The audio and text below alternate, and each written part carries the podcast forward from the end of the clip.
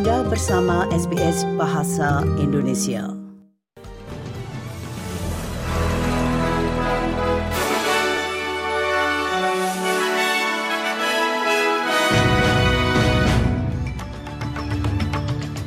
Warta berita SBS Audio untuk hari Rabu tanggal 21 Februari. Sari berita penting hari ini, Julian Assange terlalu tidak sehat untuk menghadiri sidang terakhir untuk menentang ekstradisi Amerika Serikat.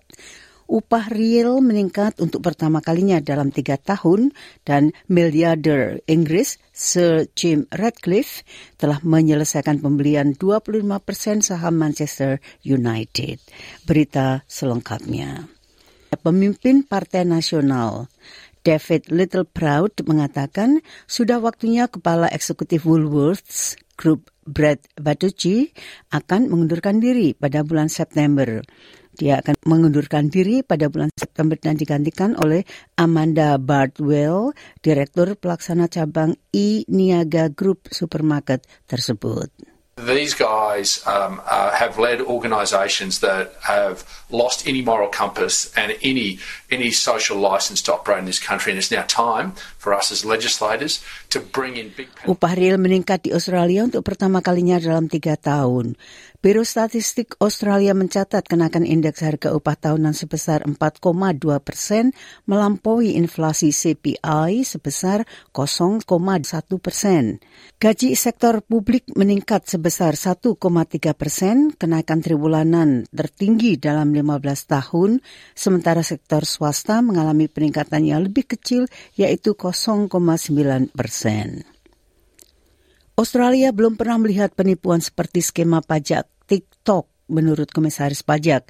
Kantor pajak pekan lalu mengungkapkan 2 miliar dolar telah hilang melalui 57 ribu klaim palsu GST melalui penipuan yang dibagikan secara luas di situs media sosial seperti TikTok.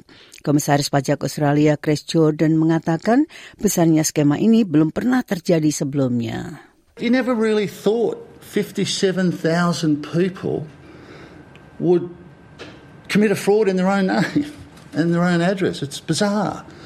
So it really shocked. Penulis Australia Yang Heng Jun tidak akan mengajukan banding atas penangguhan hukuman mati yang dijatuhkan oleh pengadilan Tiongkok. Dr. Yang yang dinyatakan bersalah melakukan spionase pada bulan Februari setelah menghabiskan lima tahun penjara di Tiongkok dan akan menghadapi hukuman penjara seumur hidup jika hukuman mati dicabut setelah dua tahun karena berperilaku baik. Pendiri Wikileaks Julian Assange melewatkan hari pertama pengajuan bandingnya terhadap ekstradisi karena sakit.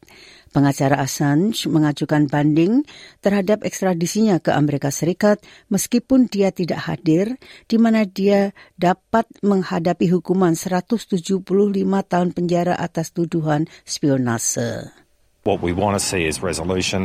Um, obviously, we respect the independence of the, both the UK and the US judicial systems, and we are very respectful of that. Amerika Serikat memveto resolusi PBB yang didukung negara-negara Arab yang menuntut gencatan senjata kemanusiaan segera dalam perang Israel-Hamas.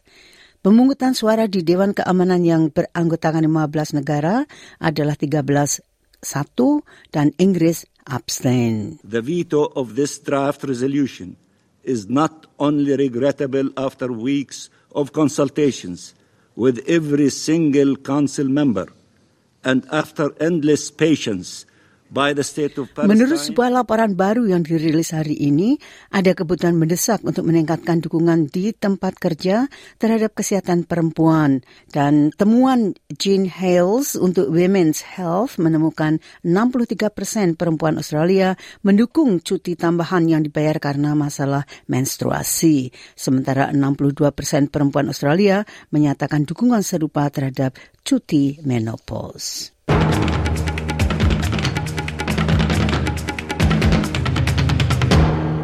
Miliarder Inggris Sir Jim Ratcliffe telah menyelesaikan pembelian 25 persen saham Manchester United.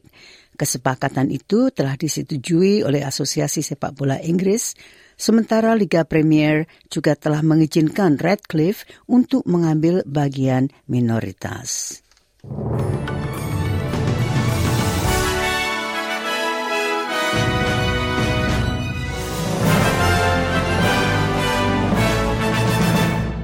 Nah sekali lagi sari berita penting hari ini, Julian Assange terlalu tidak sehat untuk menghadiri sidang terakhir untuk menentang ekstradisi Amerika Serikat. Upah real meningkat untuk pertama kalinya dalam tiga tahun dan miliarder Inggris Sir Jim Radcliffe telah menyelesaikan pembelian 25 persen saham Manchester United. Sekian warta berita SBS Audio untuk hari Rabu tanggal 21 Februari.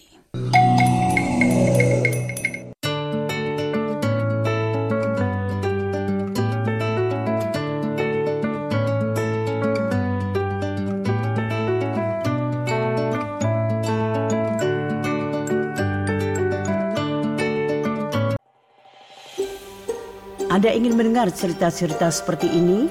Dengarkan di Apple Podcast, Google Podcast, Spotify, atau di mana pun Anda mendapatkan podcast Anda.